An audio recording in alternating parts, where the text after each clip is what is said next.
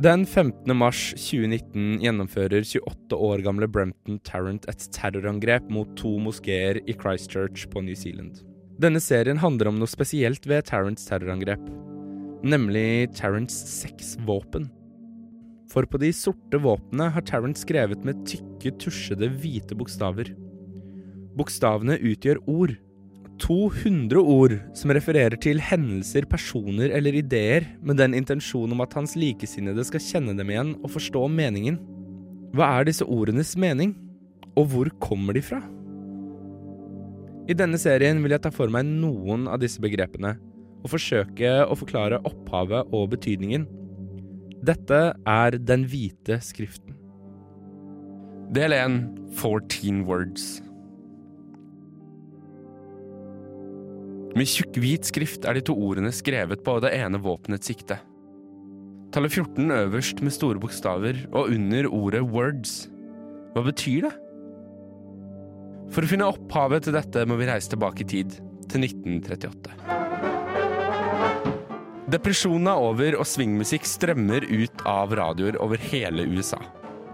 Walt Disneys første helaftens spillefilm 'Snøhvit og de syv dvergene' har gått sin seiersgang på amerikanske kinoer, og i Woden, Iowa, blir David Lane født som den tredje av totalt fire søsken.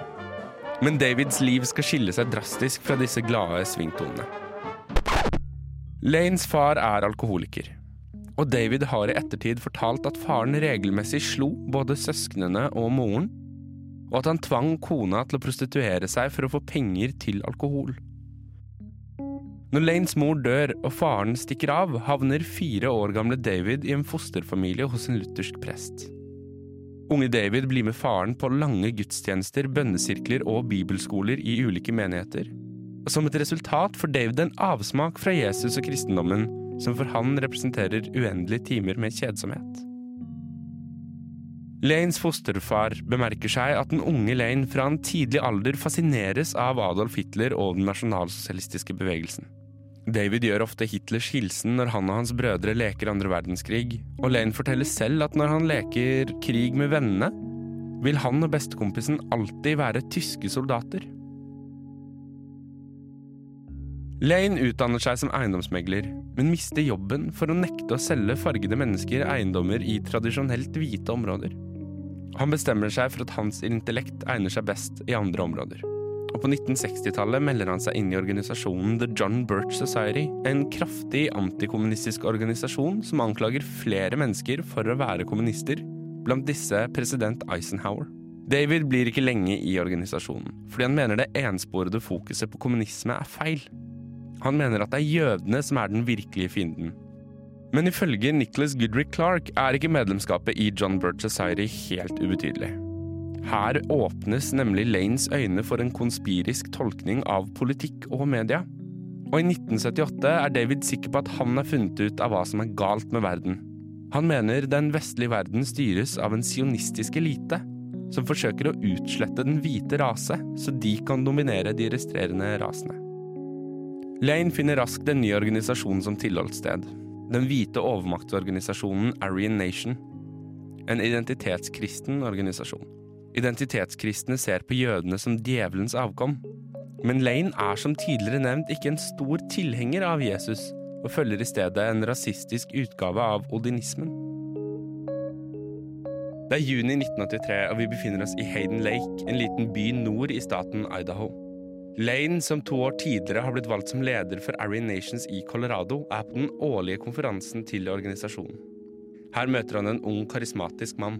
Robert J. Matthews, og disse to finner tonen.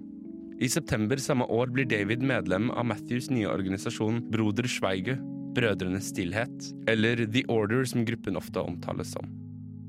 De kjemper for å frigjøre den ariske rasen fra sionistenes jerngrep, og ønsker å etablere en arisk stat i nordvest-USA, der jøder og svarte ikke vil få adgang. Og for å inntjene midler driver gruppen med hvitevasking og væpnede ran. Gruppen raner flere pansrede biler og trykker opp over en million dollar i hvitevaskede sedler. Etter en stund får FBI ferten i at det er gruppen som står bak ranene, og utroper den til den største innenlandske terrortrusselen. Og i desember 1984 sporer de opp Matthews til en øy utenfor staten Washington, nordvest i USA. Matthews nekter å overgi seg, og under en skuddveksling tar huset fyr, og han brenner inne. Det er noen vi har glemt å nevne, som skal bli sentrale for Lanes videre liv. I tiden før han blir medlem av Aryan Nations og senere Ordenen, jobber Lane som reklameselger for tidsskriftet The Primrose and the Cattleman's Gazette, en høyreekstremt tabloid tidsskrift. Men Lane havner i konflikt med en lokal radiovert, Alan Berg. Etter en utveksling på lufta mellom Alan og David, der David uttrykker sine ekstreme holdninger, mister han jobben i tidsskriftet. Og når Lane to år senere blir medlem av ordenen, forsøker han å overtale flere av de andre i terrorgruppen til å ta livet av Berg. 18.6.1984 følger en gruppe fra ordenen Berg til sitt hjem og skyter ham. Samme året dømmes Lane til 40 år i fengsel for hvitvasking og korrupsjon. Og to år senere dømmes han til ytterligere 150 år i fengsel for medvirkning til drapet på Berg. I 2007 dør Lane i fengsel av et epilepsianfall. Mens han sitter i fengsel, skriver Lane mange artikler for høyreekstreme tidsskrift, alle gjennomsyret med Lanes ideologiske tanker rundt rase. Og mens han sitter fengslet her, skriver han de 14 ordene. Et høyreekstremt dogme på 14 ord. Sitat We must secure the existence of our people and the future for white children. Sitat slutt. Dogme refererer ofte til som 1488. De 14 ordene utgjør naturligvis 14-deler av navnet, men hva med tallet 88?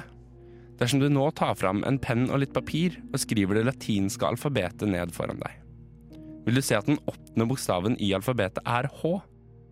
Altså blir 88 HH en forkortelse for Heil Hitler.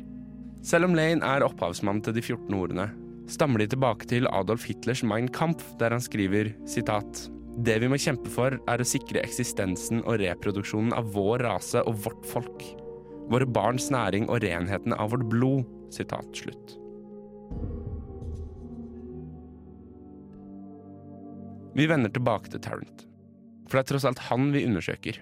De hvite, tusjede ordene på Brenton Tarrants sikte refererer altså til dette slagordet, som oppfordrer til kamp for fremtiden til den hvite rase. Et slagord som i dag er velbrukt i det nynazistiske miljøet, og som brukes for å vise at man tilhører og følger en arisk tankegang.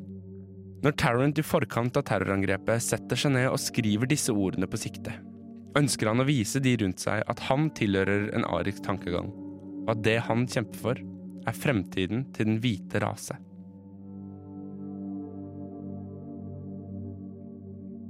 Den hvite skriften er laget av Opplysningen 99,3 og produsert av Radio Nova. Hele serien finner du under Opplysningen 99,3 der du ellers hører podkaster. Numa.